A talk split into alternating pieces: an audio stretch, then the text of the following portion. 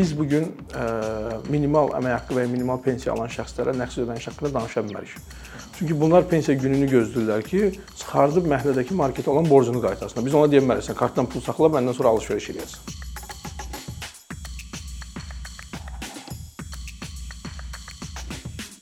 Pərviz salam, xoş gördük sənə ikincidə. Xoş gördük, çox sağ olun dəvət üçün. Mən bilirəm ki, sən uzun illərdir marketinq sahəsində fəaliyyət göstərsən. Elə söhbətə marketinq sahəsində yeni kadrların yetişməsi ilə başlamaq istəyirəm. Artıq demək olar ki, irili xırdalı bütün şirkətlərdə bu istiqamətdə insanlar fəaliyyət göstərir. Amma biz bəzi hallarda görürük ki, tez-tez kurslar və yaxud digər təhsil müəssisələri bununla bağlı elanlar verirlər və marketinq sahəsində fəaliyyət göstərən kadrların əksəriyyəti məndə belə bir təəssürat var ki, universiteti bitirdikdən sonra əlavə təhsil və kurslar alaraq bu sahəyə keçirlər. Bu baxımdan mənim maraqlıdır sənin düşüncənə görə Azərbaycanda marketoloq yetişdirilməsi ilə bağlı təhsil sistemində vəziyyət necə? Fərid çox sağ ol dəvət üçün ilk öncə. Deməli, marketinq və buna bənzər bir neçə ixtisas var ki, peşə var ki, bunlar uzun müddətli var, amma daim yenilənməyə məcbur olan peşələrdir. Elə peşələr var ki, yeni yaranıb, onlar yeni trendlərə tam uyğunlaşır, amma elə peşələr var ki, bunlar əslində neçə illərdir var, amma bunlar yenilənməlidir. Marketinq də bu peşələrdən biridir. Məsəl üçün 15 il əvvəl Azərbaycanda kiməsə e-commerce-dən danışsaq, marketinqin bir qolu olaraq digital marketinqdən danışsaydıq, bu heç kim üçün əhəmiyyət kəsb etməyəcəkdi. Amma bugünkü gündəmdə trendlər tələb edir ki, marketoloq bunların hər birini bilməlidir. Yaxşı e-commerce mütəxəssisi olmalıdır, yaxşı digital marketinq mütəxəssisi olmalıdır, ənənəvi marketinqlə yanaşı. Bu baxımdan bunları nəzərə alsaq, Azərbaycanda kurslara tələbatın bu qədər çox olmasının səbəbi odur ki, universitetlərdə peşə yenilənsə də universitetlərin tədris proqramı buna uyğun yenilənmir. Yeni-yeni başlayırlar. Mən bildiyim qədərilə bir UNEC-də ixtisas artırma kursu kimi digital marketinq tədris olmağa başlayıb. Ədəbiyyat yoxdur bu sahədə, nə tərcümə olunmuş ədəbiyyatlar yoxdur, nə yerli müəlliflərin ədəbiyyatı yoxdur. Mən xatırlayıram ki, 2015-ci ildə digital marketinq bələdçi kitabını mən çap etmişdim. Ondan sonra 6 il ərzində yeni bir kitab gəlmədi. Keçən il UNEC bir neçə müəllifdən ibarət bir kitab çap edib digital marketinqlə bağlı. Amma bu da hələ ki çox həm mənim qeyd etdiyim, yazdığım kitab, həm növbəti kitab bunlar hələ ki basic səviyyədədir. Yəni çünki bazar hələ basic səviyyədədir. Yəni buradan başlamaq lazımdır. E-commerce-ilə bağlı ümumiyyətlə heç bir ədəbiyyatı yoxdur. Ona görə də marketinq ixtisasını bitirənlər və ya bu sahəyə maraq göstərən, bu sahədə peşəkarlaşmaq istəyən şəxslər məcburdurlar alternativ kurslara başvursunlar. Universitetlərimizdə hələ də klassik marketinq qaydaları, klassik marketinq metodları öyrədilir. Bu artıq bu bazar üçün, yeni digitallaşan bazar üçün olduqca köhnə qaydalardır. Ona görə də kifayət qədər qənaətbəxşdir deyə bilmərik. Bu sahədə universitetlərin reforma getməyi çox vacibdir. Son dövrlər bu marketinqlə bağlı ən çox gözə dəyən yeniliklərdən biri budur ki, əvvəlki illərdə reklam platformalarının sayı nisbətən məhdud idi. Yəni yaxşı halda televiziyalar, radiolar, qəzetlər var idi, amma artıq indi sosial şəbəkələr ən böyük məncə reklam bazarıdır və irili xırdalı ölçüsündən dövriyyəsindən asılı olmayaraq bütün şirkətlər reklama çıxış imkanı əldə edə bilirlər. Və digər tərəfdən biz bunu tez-tez eşidirik ki, artıq televiziyaya maraq azalıb, televiziyalar öz izləyici kütləsini itirib Bu baxımdan, yəni bazarda olan biri olaraq maraqlıdır sizin fikriniz ki, sosial şəbəkələr klassik televiziyanın bazar payını əlindən ala bilibmi, yoxsa hələ də Azərbaycan məsələn кейsində televiziyalar daha çox reklam cəlb eləyə bilər və daha çox büdcəyə malik olurlar? Okay, məsələ iki yöndən baxa bilərik. Bir sizin dediyiniz sual qoyuluş formasında, bazar payı formasında. Bazar payı formasında bəli, bu gün digital platformalar televiziya, radio, ümumiyyətlə ənənəvi bu reklam kanallarından kifayət qədər pay alıblar. Bu böyük bir paydır. Alıblar, amma bu kontekstdən baxanda belə görünür. Digər kontekstdən baxanda bu o deməkdir ki, məsəl üçün simvolik rəqəm üzərindən getsək, əgər 10 il əvvəl bir televiziya reklamları toplam dövriyyəsi 10 milyon manat isə, bu gün bu aşağı mı düşüb? Xeyr. Bu da artıb.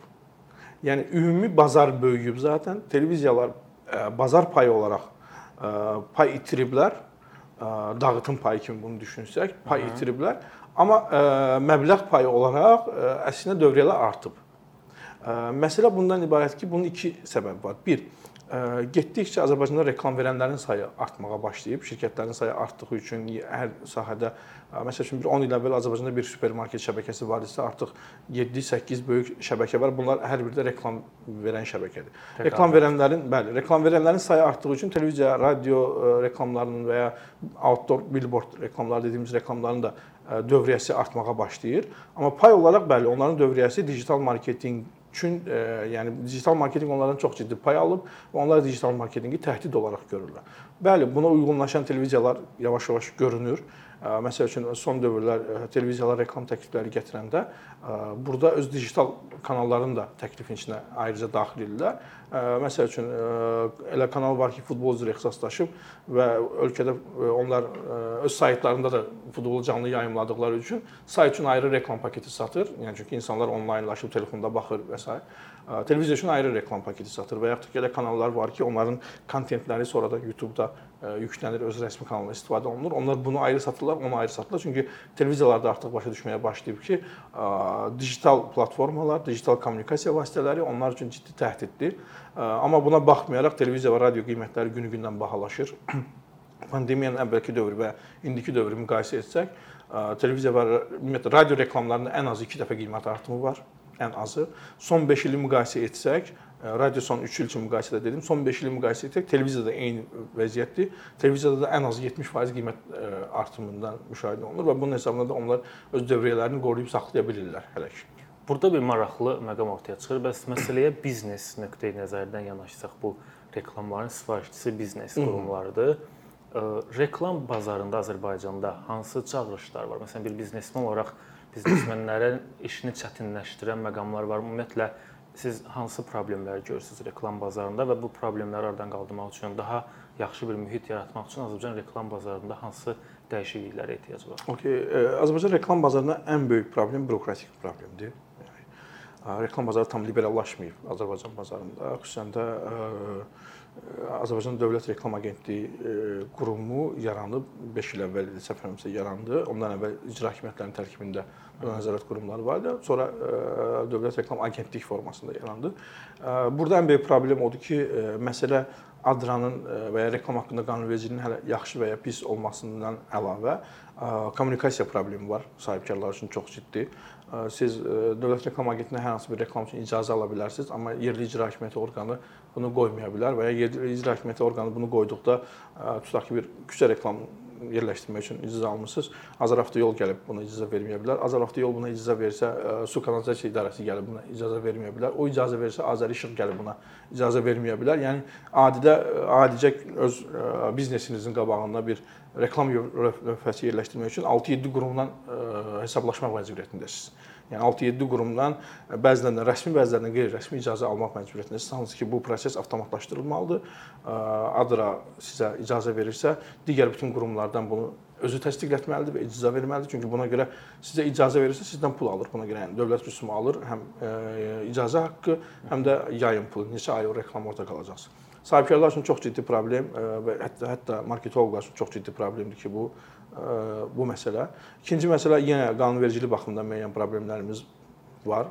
Azərbaycanda reklam qanunvericiliyinin tənzimlənməsi ilə bağlı şifahi reklamların, bu xüsusən də veriliş aparıcı reklamların doğru tənzimlənməməsi, insanların manipulyasiyaya uğraması burada, yəni bunun reklam olduğu bildirilməməsi ən azından aparıcı və yaxud da ki, hər hansı bir formada şəhərçi bunu reklam mətni səsləndirirsə, bu aşağıda və ya hansısa formada qeyd olunmalıdır ki, bu reklam mətnidir, hal-hazırda reklam gedir. Bununla bağlı problemlərimiz var. Dil haqqında qanunla bağlı problemlərimiz var. Bu həm yaxşı mədə, həm pis mədə problemlər var burada. Sahibkarların əməl etməməsi problemi və Adranın Dövlət Reklam Agentliyinin və ümumiyyətlə reklamla məşğul olan qurumların bundan sui-istifadə qurumları var. Məsəl üçün siz özünüzdən bir trend marka yarada bilmirsiniz bu ölkədə. Yəni bu Azərbaycan dilində bu söz yoxdur deyib sizin mağazanızın qarşısında bu reklamı sökə bilərlər. Bəlkə də yeni bir marka yaradırsınız. Heç kim deyə bilməzdi ki, 10 il əvvəl dünyada Twitter deyə bir söz var idi. 15 il əvvəl. Yəni bu, bunu yaradıb siz sata bilər və markaya heç brendə çevirə bilərsiniz və ya bu gün yaranan markaların böyük əksəriyyəti heç bir məna kəsb etməyən sadəcə hərf birləşmələrindən ibarət olan markalardır və bununla bağlı ciddi problem var. Bunu həll etmək üçün sizin uzun bir yolunuz var.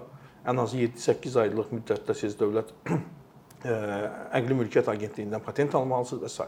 Yəni bu kimi bürokratik problem Azərbaycan reklam bazarının bu gün ən böyük problemidir. İkinci problem ilk sualda qeyd etdiyimiz kadr məsələsi, universitetlərin təhsil almaması, yəni təhsil doğru verməməsi məsələsi və nəhayət dördüncü problem Azərbaycanda hələ də sahibkarların reklama, marketinqə daha doğrusu tam anlamda yanaş, yanaşa bilməməsidir. Azərbaycanda bu gün marketinq elminə və ya marketoloqlara yanaşma budur ki, hər kəs sahib bütün sahibkarlar marketoloqdan daha yaxşı bilir və bu formada yanaşır. Çağırış da bu formada olmalıdır ki, yəni qoy özü o özü məşğul olmalıdır o işlə və çünki effektivlik də görünür bu sahədə əgər elə olduqda sahibkarların müdaxiləsi azalsa yaxşı olar. Ümumiyyətlə son 2 il yarımdır artıq dünya iqtisadiyyatında, ümumiyyətlə qlobal biznesdə maraqlı dəyişikliklər var. Bu 2020-ci ilin əvvəllərindən etibarən pandemiya məhdudiyyətləri bir xeyli sahənin işini ciddi mənada dəyişdi və bu həm də bir növ böhrana səbəb oldu bəzi sahələrdə, bəzi sahələrdə əksinə inkişafa səbəb oldu. Amma bu iqtisadi çalxantılar hələ də davam edir. Yəni bu gün qlobal iqtisadiyyatın ən böyük problemi inflyasiyadır ki, bu da istehlaka ciddi şəkildə təsir edir. Artıq bəzi beynəlxalq qurumlar yeni bir böhranın xəbərçisi kimi çıxış edir. Yəni dünya iqtisadiyyatında vəziyyəti bir o qədər də yaxşı hesab edə bilmərik. Bəs belə anlarda marketinq strategiyalarında şirkətlərin hansı dəyişikliklər ortaya çıxa bilər? Yəni bu tip iqtisadi situasiyada şirkətlər marketinq yanaşması olaraq nələrə hazırlıqlı olmalıdırlar? Okay, Azərbaycan bu dövrü ikinci dəfə yaşayır. Yəni qismən müstəqil iqtisadiyyat dövrünə keçdikdən sonra neft gəlirləri bəli, ondan sonra ikinci dəfə problem yaşayır. Birinci məsələ problem yaşanmışdı 2015-ci ildə iki devalvasiya zamanı iqtisadiyyat çox ciddi çalxalanmışdı. Yəni demək olar ki, hər şey bütün iqtisadi qaydalar yerini dəyişməyə başlamışdı və o eyni zamanda həmin vaxtda şirkətlərin marketinq baxışları bir xeyli dəyişdi. O vaxta qədər tamam başqa cür baxış var idi. Bir də pandemiyadan sonra ikinci dövr bunu yaşayırıq. Bu hər iki dövrdə ehtiyac olunan məsələ bu olub ki, şirkətlər hər ikisində anlayıblar ki, onların daha yaxşı marketinq komandasına ehtiyacı var, daha yaxşı mütəxəssisə ehtiyacı var. Çünki bu iqtisadi bu bu prosesdən çıxmaq üçün, bu çətinlik atlamaq üçün sizin yaxşı marketinq strategiyasınız olması vacibdir. Bizim hər birimizin tez-tez istər müxtəlif reklam vasitələrində, istər şəxsi danışıqlarda eşitdiyimiz bir standart var. ISO standartlar deyə bir standartdan danışılır. Əksəriyyət bunu bu standartın əksəriyyət insan nə olduğunu bilmir. Bu əslində idarəetmə standartıdır. Yəni ISO keyfiyyətli idarə etmə standartıdır. Yəni bu istehsal standartı deyil ki, mən ISO-nu istehsal etmişəm, şəkəri az eləmişəm burada və ya çox eləmişəm. ISO-nun işi istehsal proseslərinin, ümumiyyətlə proseslərin idarə olunmasıdır. Və mənim çalışdığım şirkətlərdən birində biz çalışdığımız zaman ISO sertifikatını almaq üçün müraciət etmişdik və ilk dəfə orada mən tətbiq etməyə başladım risk xəritəsinin hazırlanması prosesinə. Bu ISO standartlarının alınması üçün tələbdir.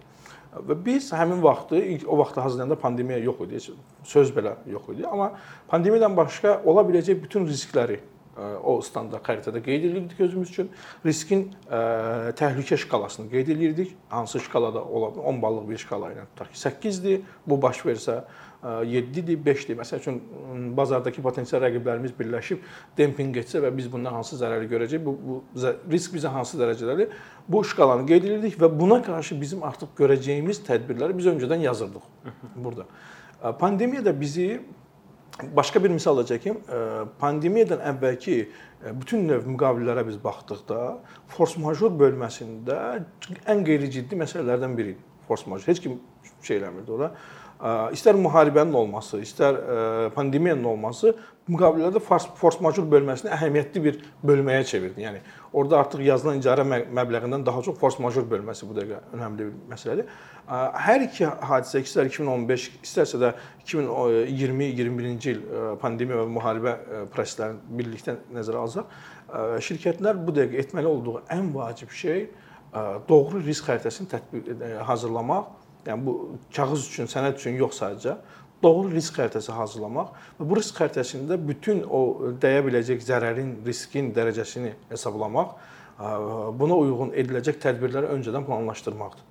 Bu bu olarsa, bu peşəkarcasına hazırlanarsa, təbii ki, şirkətlər bundan sonra da baş verə biləcək hər hansı bir hadisədə daha az zərər çəkmiş formada çıxacaqlar.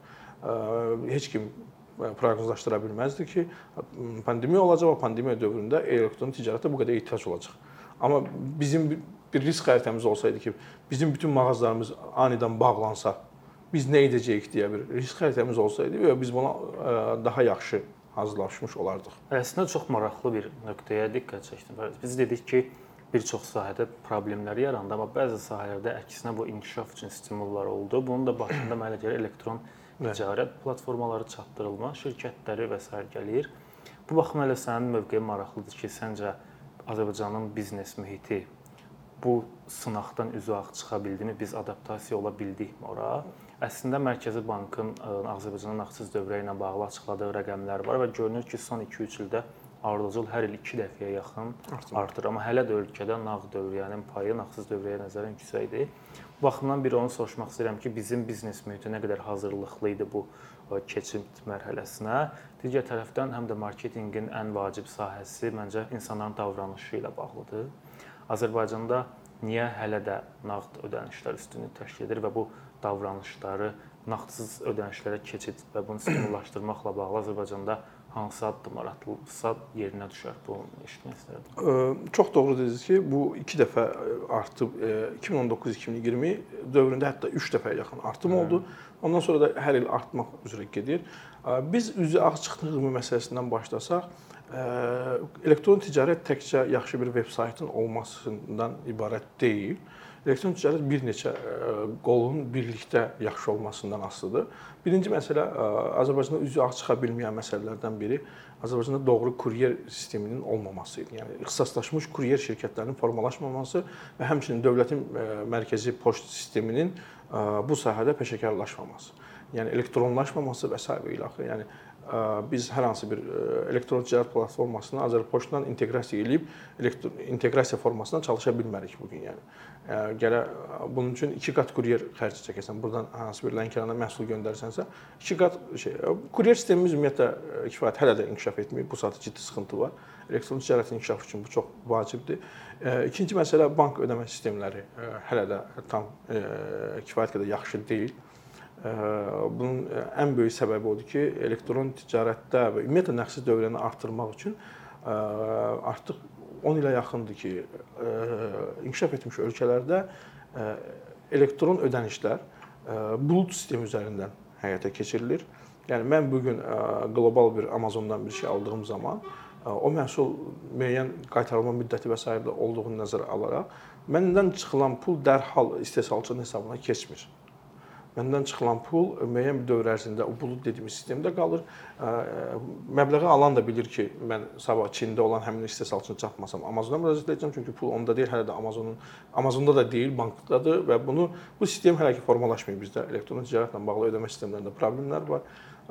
Yavaş-yavaş qismən banklar buna adaptasiyalar etməyə başlayır. İkinci məsələ bank faizlərinin yüksək olması problemdir. Burada ona görə şirkətlər nağdsız hesablaşmaları elektron ticarətdə də hələ də çalışırlar ki, nəqd qapıda ödəmə onlar üçün daha böyük sərf, yəni gəlir gətirir, nəinki kartla ödənişlər.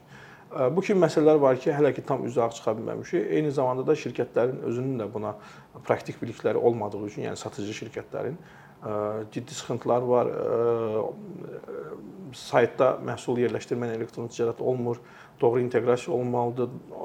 Stok gün update-ləri gündəlik və ya saatlıq olmalıdır. Bu baş vermir. Ümumiyyətlə məhsulların hər bir şirkətlərin əksəriyyətinin istifadə etdiyi xüsusi ERP və ya SAP proqram təminatları var. Bunlarla inteqrasiya prosesləri tam uyğun hələ ki istədiyimiz formada getmir.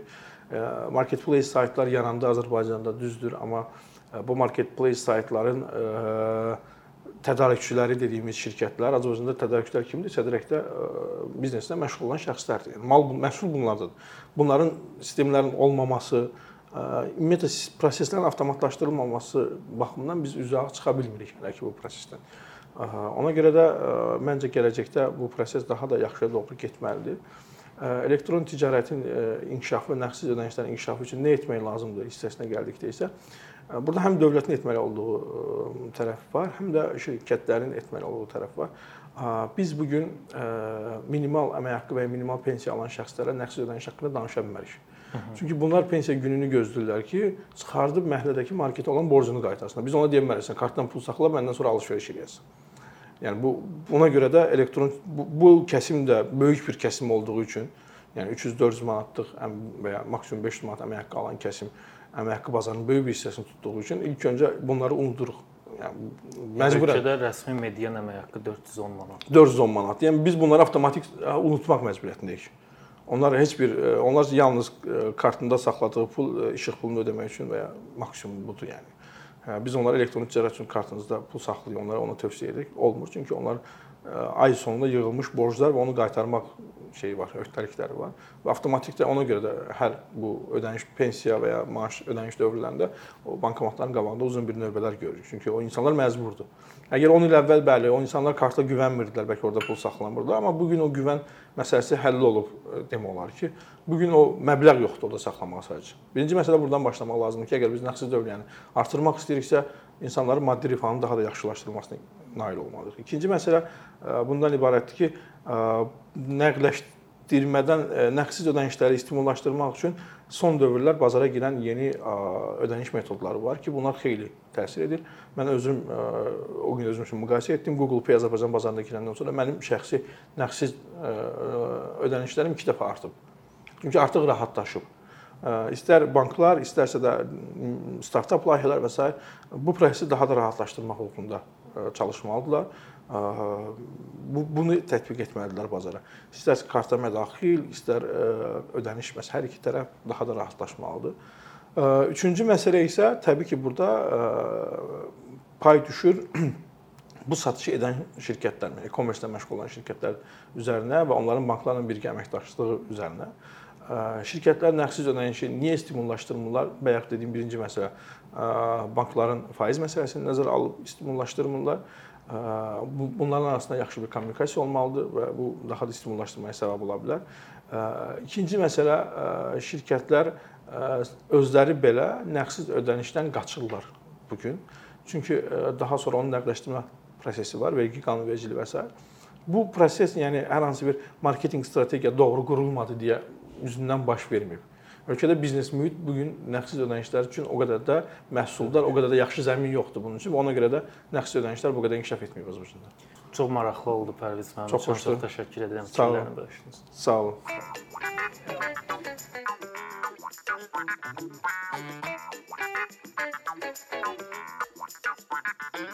olun.